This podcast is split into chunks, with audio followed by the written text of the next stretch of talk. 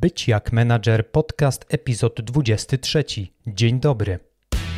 W wieku 16 lat wiedziałem, że chcę robić wybitne rzeczy w gronie wybitnych specjalistów. Zostałem więc menadżerem i choć zarządzanie to niełatwy kawałek chleba, uczę jak to robić na najwyższym poziomie. Jestem Mariusz Najwer, a to mój podcast o zarządzaniu w IT.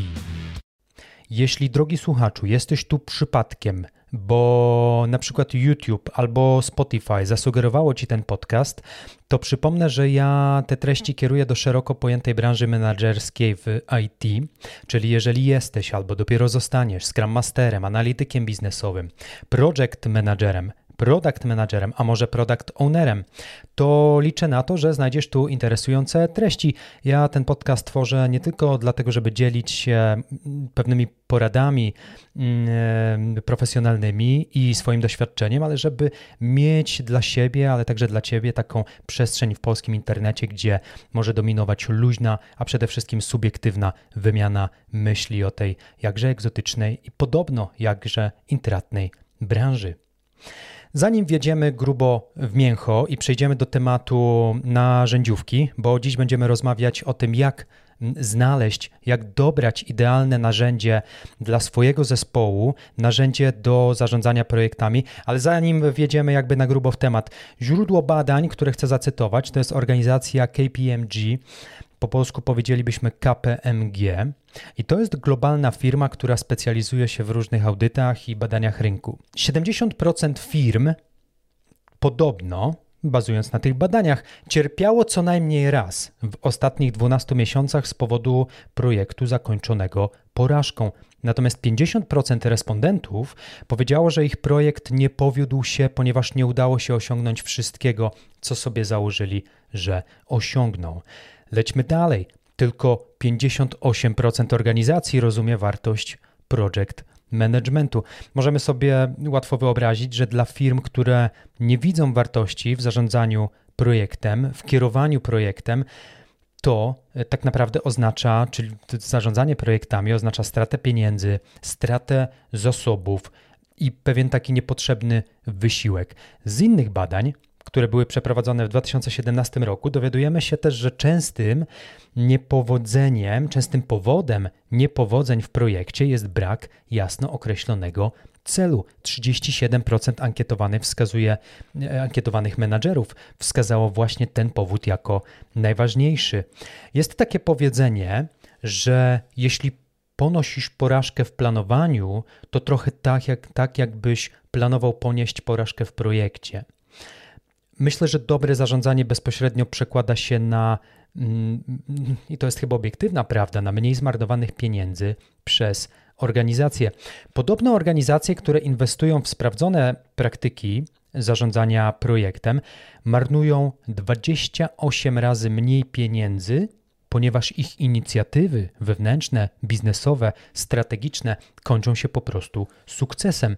Specjaliści mm, z firmy Captera pisane przez C i 2R, przeprowadzili swego czasu takie badanie rynku i doszli do ciekawego wniosku. Otóż z ich raportu wynika, że największym benefitem stosowania narzędzi project managementu jest estymowanie tzw. Tak osi czasu projektu, powiedzielibyśmy pewnego timeline'u.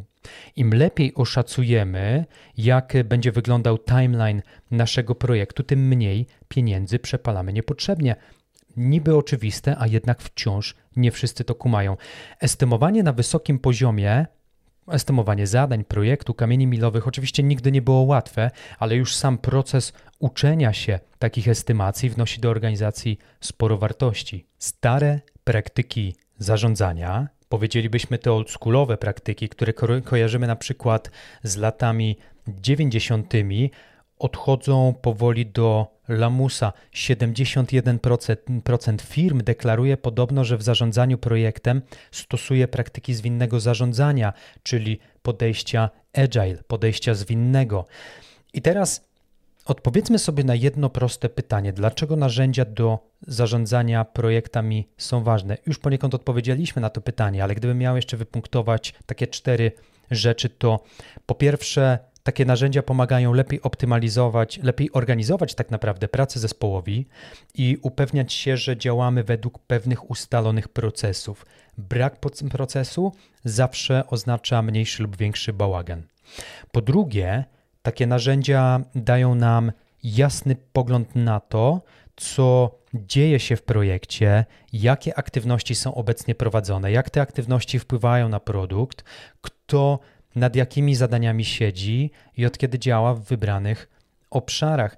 Trzeci powód to to, że oprogramowanie do zarządzania projektami pozwala również zespołom lepiej, ale też szybciej i czytelniej komunikować się między sobą.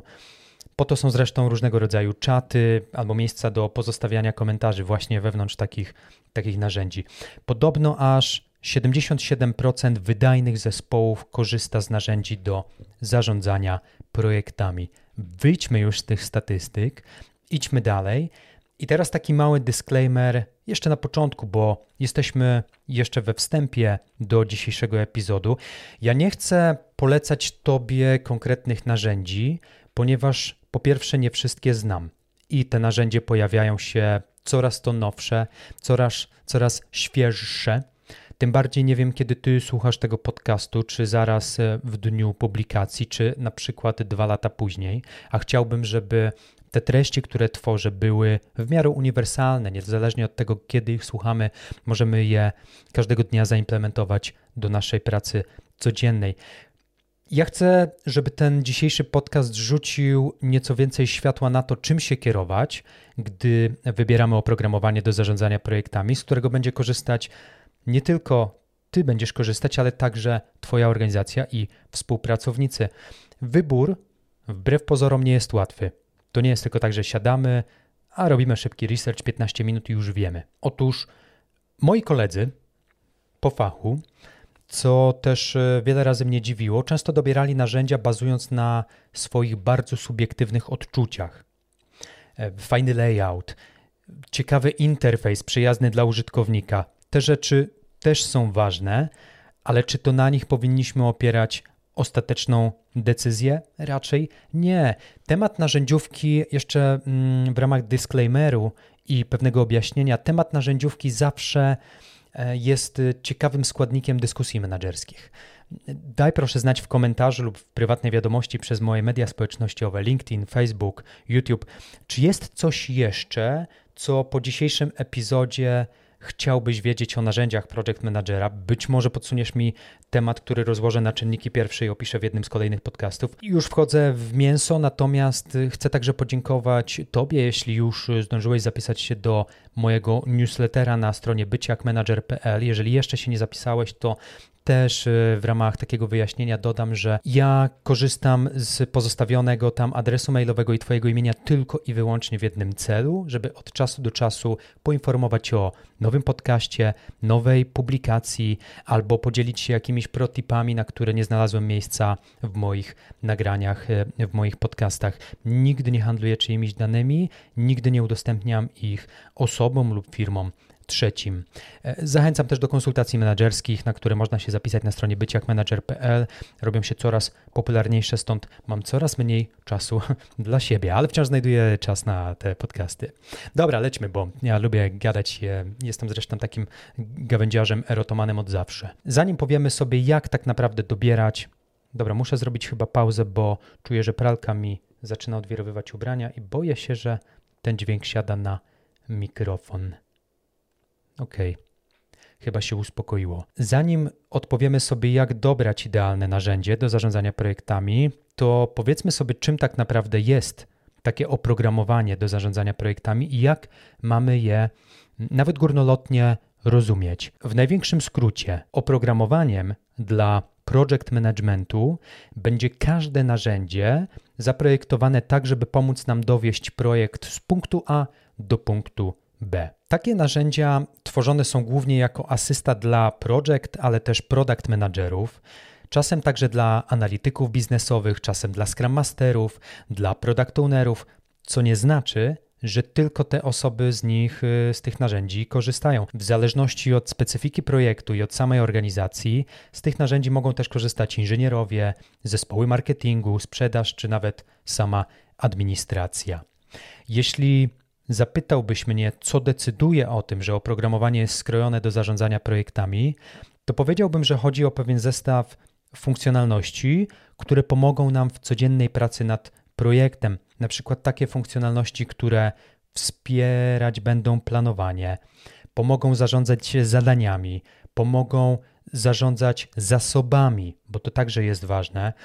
Funkcjonalności, które usprawnią tworzenie harmonogramów prac dla siebie, ale także dla zespołu, czy chociażby takie funkcjonalności, które pomogą zarządzać budżetem, bo budżet to też bardzo często jest nieodłączny element pracy PM-a. Pamiętajmy też, że na rynku mamy obecnie PM-ów, którzy pracują w wielu różnych metodykach zarządzania. Dla przykładu, no w jednym projekcie development może być oparty na kanbanowym podejściu, w innym projekcie może królować Scrum, w jeszcze innym może królować Lean Management, czyli zwinne zarządzanie, a w jeszcze innym SAFE, czyli Scale Agile Framework. Wiele narzędzi wspiera konkretną metodykę, ale są też elastyczne narzędzia, które można dostosować do swojego stylu pracy i tak naprawdę do wielu metodyk. Wejdźmy już powoli na teren kolejnego wątku, który chcę dziś poruszyć. Tych wątków będzie jeszcze, będą jeszcze dwa tak naprawdę. Najpierw opowiem, co moim skromnym zdaniem powinno zawierać idealne oprogramowanie do zarządzania projektami, a na koniec przyjrzymy się temu, jak takie idealne oprogramowanie znaleźć i wybrać dla naszego projektu, dla naszej organizacji. Co powinno oferować oprogramowanie do zarządzania projektami? Powiedzmy sobie szczerze, żadne narzędzie nie zastąpi człowieka. Mam na myśli to, że słabemu menadżerowi nie pomoże nawet najlepsze narzędzie na rynku. I pamiętajmy o tym. I chociaż dziś rozmawiamy o narzędziach, to traktuj proszę narzędzia jako wartość dodaną, a nie jedyną czy główną wartość tego, kim ty jesteś i jakim ty jesteś menadżerem. Narzędzie to jest tylko narzędzie w twoich rękach, ale to od ciebie zależy, jak sprawnie będziesz się tym narzędziem posługiwał. Ja spotkałem na swojej drodze wiele osób, które rewelacyjnie radziły sobie z zespołem i projektem, mając do dyspozycji gówniane narzędzia, ale spotykałem też menadżerów, którym nie zleciłbym nawet odprowadzenia córki do przedszkola, bo byli tak niekompetentni w swoim fachu, pomimo świetnych narzędzi, którymi dysponowali. A tak swoją drogą to jeszcze nie mam córki, ale może wkrótce. Mam też pewną obserwację, chociaż nie znam wszystkich narzędzi do zarządzania projektami, że każde z nich tak naprawdę posiada podstawowe funkcjonalności, które sprawdziłyby się w większości projektów. Nie mam na to papieru, ale już robiąc research do dzisiejszego epizodu i wgryzając się w kilkadziesiąt różnych narzędzi, mogę powiedzieć, że większość z nich na pewno zaspokoi te najbardziej fundamentalne potrzeby project managera. Większość narzędzi do zarządzania dla PM-a posiada funkcje do planowania, tworzenia harmonogramu, tworzenia i przypisywania zadań, tworzenia raportów, sprawdzania statusów zadań. Większość posiada także popularne widoki, takie jak tablica Kanbana mm, albo wykres Ganta, pisane przez 2T. Jeżeli nie wiesz, czym jest wykres Ganta, siadaj do odrabiania lekcji, bo to jedna z podstaw y, projekt menedżerskich. Diabeł tkwi oczywiście w szczegółach. Pamiętajmy, że to właśnie pewne dodatkowe, unikalne funkcjonalności wpływają na to, dlaczego jeden software lepiej pasuje do pewnych zespołów lub projektów niż inne oprogramowanie. Przyjrzyjmy się zatem absolutnie fundamentalnym rzeczom, bez których oprogramowanie mm, project managerskie uważam za niekompletne. Tych rzeczy jest dosłownie kilka i to one mm, jakby stanowią kręgosłup project managementu, dlatego uważam, że powinny a nawet wręcz muszą być e, wspierane w każdym narzędziu do zarządzania projektami. Kolejność jest losowa. Co powinno zawierać idealne oprogramowanie? Przede wszystkim zarządzanie zadaniami. W 2017 roku przeprowadzono globalną ankietę dla project managerów i wśród project managerów i 37% kierowników oraz liderów projektów stwierdziło, że główną przyczyną niepowodzenia w projekcie w ich organizacjach był brak jasno zdefiniowanych celów oraz kamieni milowych, żeby mierzyć progres oraz druga przyczyna brak dyscypliny w czasie implementowania strategii. I to jest ciekawy wniosek. Każdy projekt podzielony jest na różne zadania oraz podzadania. Najczęściej mówimy o taskach i tak zwanych subtaskach, które powinny być następnie przypisane do konkretnych osób. I teraz Ciężko jest o oprogramowanie do zarządzania projektami, które nie posiada tej funkcji. Ona jest naprawdę podstawową, fundamentalną funkcją.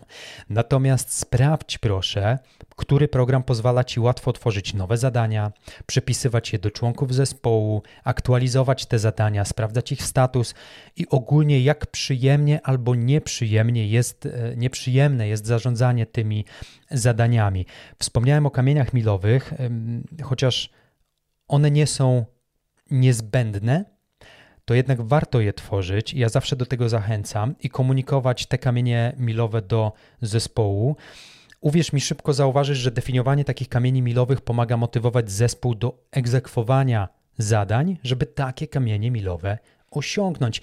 A mając zamiar tworzyć kamienie milowe, no to także warto sprawdzić, czy narzędzie, na które potencjalnie patrzysz do zarządzania projektami, właśnie wspiera tworzenie, trakowanie takich celów średnioterminowych na naszej roadmapie. Druga rzecz, którą powinno już poza zarządzaniem zadaniami, które powinno posiadać idealne oprogramowanie dla PMA, to podział na projekty główne i podprojekty. Często spotykana nazwa projektu głównego to Parent Project, od y, rodzica z angielskiego, a podprojektu to child project, czyli jakby mm, dziecko projektowe od dziecka. Nie wiem, jak to przetłumaczyć dokładnie. Chodzi o to, że konkretne zadania powinny być powiązane z odpowiednimi obszarami, tudzież właśnie takimi mniejszymi projektami wewnątrz pewnego y, dużego projektu, wewnątrz pewnej większej kobyły projektowej. I większość narzędzi dla PM-ów posiada taką funkcjonalność, żeby tworzyć zarówno duże projekty, pod którymi wczepiane są mniejsze projekty, które są jakby takimi kamieniami milowymi, żeby te duże projekty dowieść. Kolejną funkcjonalnością, bez której nie wyobrażam sobie idealnego oprogramowania dla PMA, to pewnego rodzaju kalendarze, harmonogramy albo terminarze. Wiadomo, tutaj zrobię małą pauzę, że każda organizacja ma jakiś swój kalendarz. Mam na myśli narzędzie typu kalendarz Google, Outlook albo jakikolwiek inny kalendarz. Natomiast kluczem do efektywnego opiekowania się projektem było i wciąż pozostaje według mnie efektywne zarządzanie czasem oraz e, estymacjami, pewnymi wycenami czasowymi.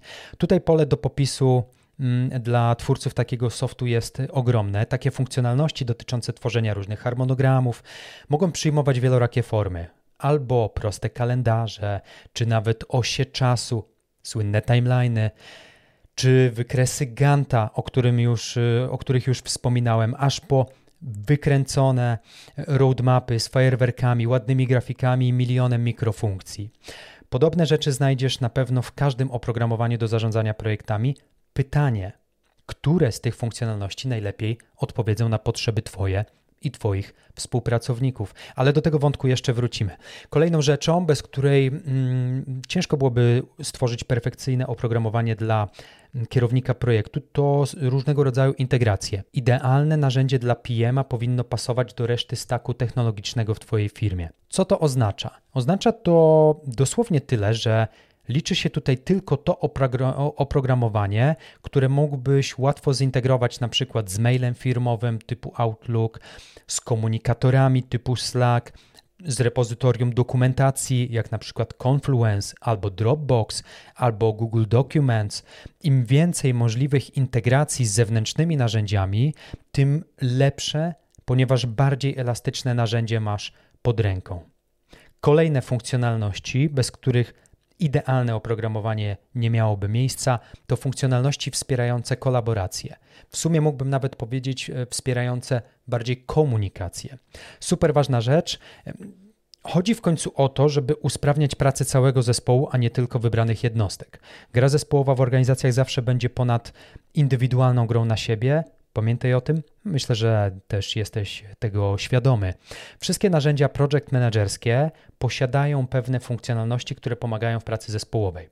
To mogą być m.in. jakiś czat, możliwość zostawiania komentarzy, załączanie dodatkowych plików oraz zdjęć do zadań, możliwość tworzenia prezentacji z gotowych szablonów lub raportów itd. Tak itd. Tak Zwracaj na to uwagę. Mm, I następna funkcjonalność, bez której nie wyobrażam sobie życia z takim narzędziem, to udostępnianie dokumentów albo funkcjonalność, która pozwala Tobie udostępniać dokumenty. W skrócie, jeśli tworzysz jakieś zadanie, prezentację czy raport, to jako użytkownik powinieneś mieć możliwość wręcz za jednym kliknięciem wygenerować link do danego dokumentu i rozesłać ten link, tudzież dokument po współpracownikach albo interesariuszach udostępnianie dokumentów lub wybranych ekranów z takiego oprogramowania to jest super istotna rzecz, żeby w czasie rzeczywistym współdzielić z innymi owoce naszej pracy i ustaleń w ramach tego samego projektu. Kolejna funkcjonalność, moja ulubiona. Raporty i metryki. Załóżmy, że jesteś PM-em a jeżeli rzeczywiście nim teraz jesteś, to w sumie możemy dać mm, naszej wyobraźni urlop, bo nie musimy sobie tego wymyślać i wyobrażać. Także jako PM zawsze będziesz do kogoś raportował postępy w projekcie.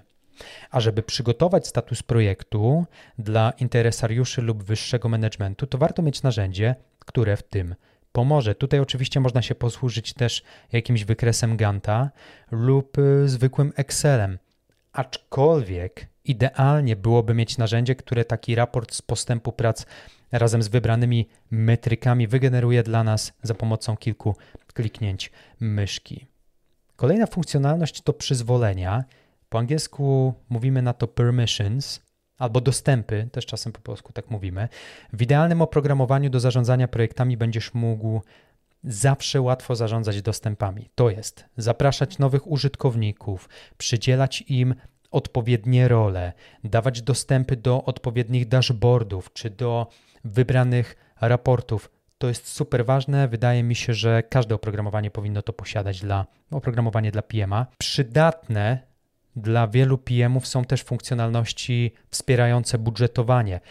To nie jest jakaś super pożądana rzecz, bo z doświadczenia wiem i też ze swojego, ale też moich kolegów po fachu, że większość kierowników projektów budżetowanie robi w Excelu. Jednak te zwykłe, takie oldschoolowe, standardowe tabelki jeszcze chyba długo pozostaną nieśmiertelne. Ja nie oceniam, czy to jest dobre, czy złe. Jeżeli komuś odpowiada Excel i dobrze mm, mu się z Excelem pracuje, no to czemu nie? Aczkolwiek, skoro mówimy o idealnym narzędziu dla PMA, to warto byłoby mieć możliwość budżetowania projektu właśnie w jednym miejscu, żeby potem aktualizować wydatki czy prognozować przyszły budżet już bez konieczności odpalania Excela jako zewnętrznego narzędzia lub jakaś integracja z Excelem, gdyby była, no to też y, mo mogłoby to wyglądać ciekawie. I ostatnia funkcjonalność, bez której nie wyobrażam sobie mm, takiego idealnego oprogramowania, to jest zarządzanie zasobami. Tutaj oczywiście departamenty HR-owe wieszają już na mnie psy, bo ja wciąż posługuję się słowem zasoby, a nie ludzie, ale nie zawsze pasuje mi słowo ludzie do kontekstu. Natomiast jak w każdym projekcie, za jego sukcesem albo też porażką zawsze stoją ludzie. To jest oczywiste. Jeszcze ludzie, chyba że zastąpi nas kiedyś AI, w co nie do końca wierzę. Natomiast PM to taka egzotyczna postać, która najczęściej liczy, ile osób siada do roboty mówiąc e, językiem potocznym. Także ogólnie dobrze jest mieć możliwość dodania w takim narzędziu, w takim oprogramowaniu, jaką mamy wyporność w zespole, ile osób i z jakim obłożeniem może wykonywać zadania. Wtedy jakiekolwiek estymacje i prognozy będą liczone w oparciu o realne zasoby, czyli o realną liczbę osób, które znajdują się na pokładzie. I to tak naprawdę tyle w kwestii tego, co powinno oferować idealne oprogramowanie do zarządzania. Aczkolwiek e, wiem, co mógłbyś teraz powiedzieć. mógłbyś powiedzieć, dobra, Najwer, ale na rynku jest co najmniej kilkadziesiąt aplikacji, które właśnie to wszystko oferują. No i właśnie. Stąd dzisiejszy podcast, żebyśmy odpowiedzieli sobie jasno na jedno ważne pytanie: jak wybrać dla Twojego zespołu odpowiednie narzędzie do zarządzania projektami? I tutaj lista będzie krótka i konkretna, bo to nie jest czas, żeby biegać wśród dygresji, aczkolwiek przypominam, że gdybyś chciał się ze mną mm, umówić w cztery oczy online, to jestem jak najbardziej do dyspozycji mm, w ramach mojej konsultacji. Oto co należy zrobić, żeby wybrać idealne narzędzie do, do, do zarządzania e, projektami.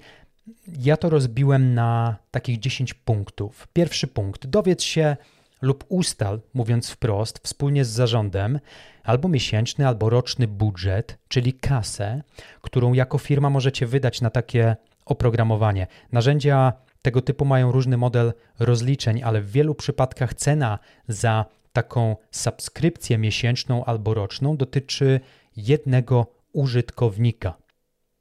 Policz więc, ile osób w Twojej firmie będzie potrzebować dostępu do takiego narzędzia, a następnie oblicz, jakie będą z tym związane koszty.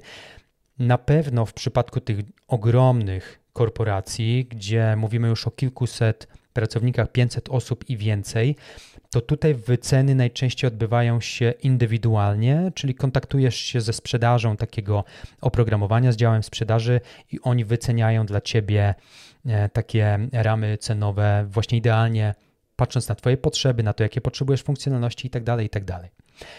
Drugi punkt to, gdy temat finansów masz już w miarę ograny, przygotuj wspólnie z zespołem listę funkcjonalności, których potrzebujecie w pracy codziennej nad projektem. Innymi słowy, zdefiniuj Wasze potrzeby.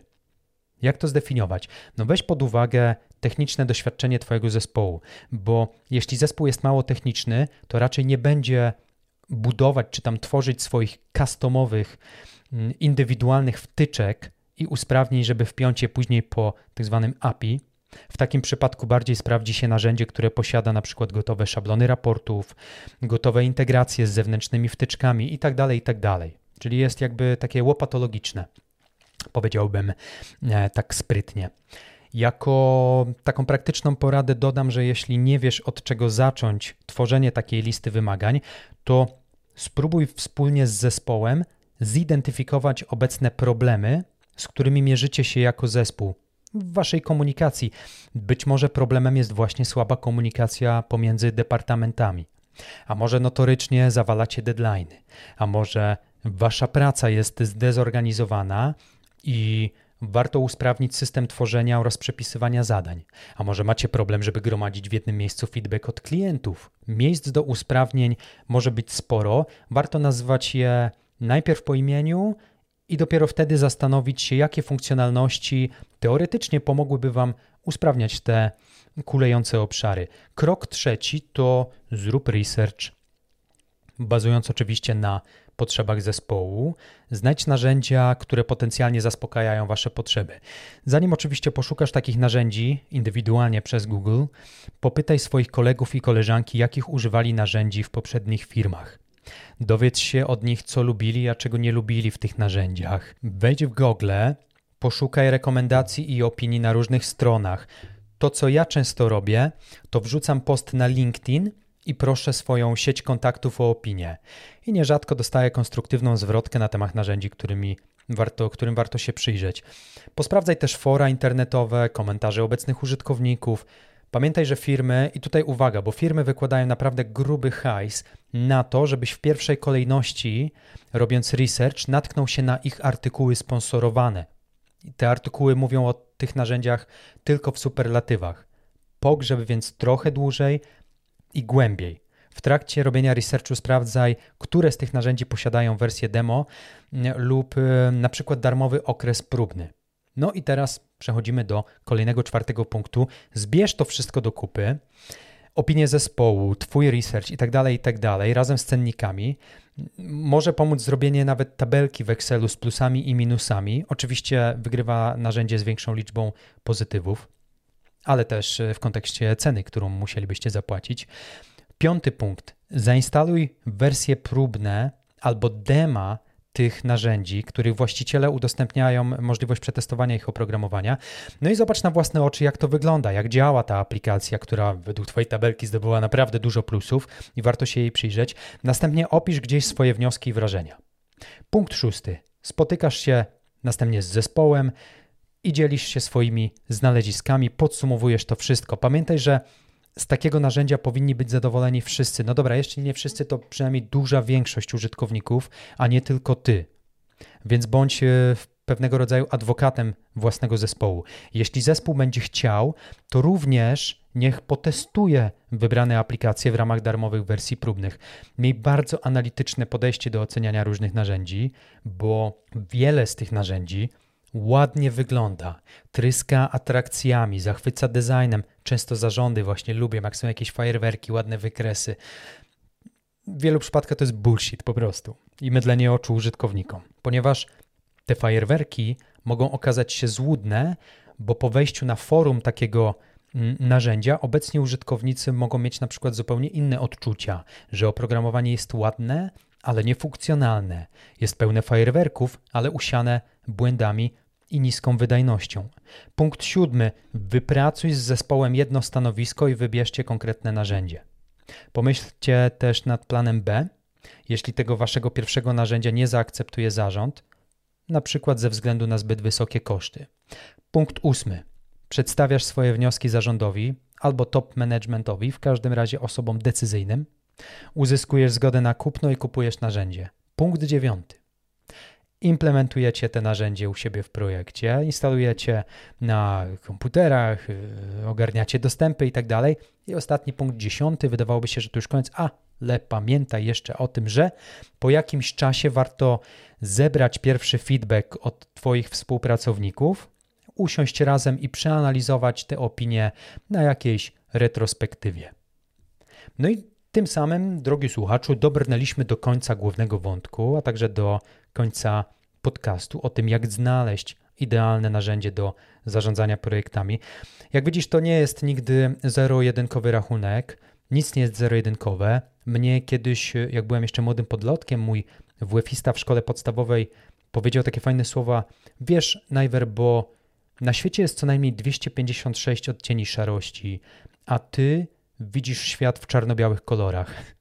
Ja to sobie zapamiętałem, ale teraz jak patrzę na to wszystko z perspektywy czasu, potwierdzam te słowa. Nic nie jest zero-jedynkowe, nic nie jest czarno-białe. Nawet tak e, wydawałoby się prosty wątek jak dobór odpowiedniego narzędzia do pracy. Wiele czynników wpływa na dobór takiego narzędzia. Mm, tutaj stawiam pauzę i dziękuję Tobie, drogi słuchaczu, za dziś, za wysłuchanie, za wspólnie spędzony czas. Zapraszam do subskrybowania newslettera na byciakmanager.pl i śledzenia mnie na LinkedIn. Jeśli jest coś, co według Ciebie mogę jeszcze poprawić w prowadzeniu tych podcastów, to zamieniam się w słuch i z góry dziękuję za konstruktywną krytykę. Trzym się zdrowo, dbaj o siebie i innych. Cześć.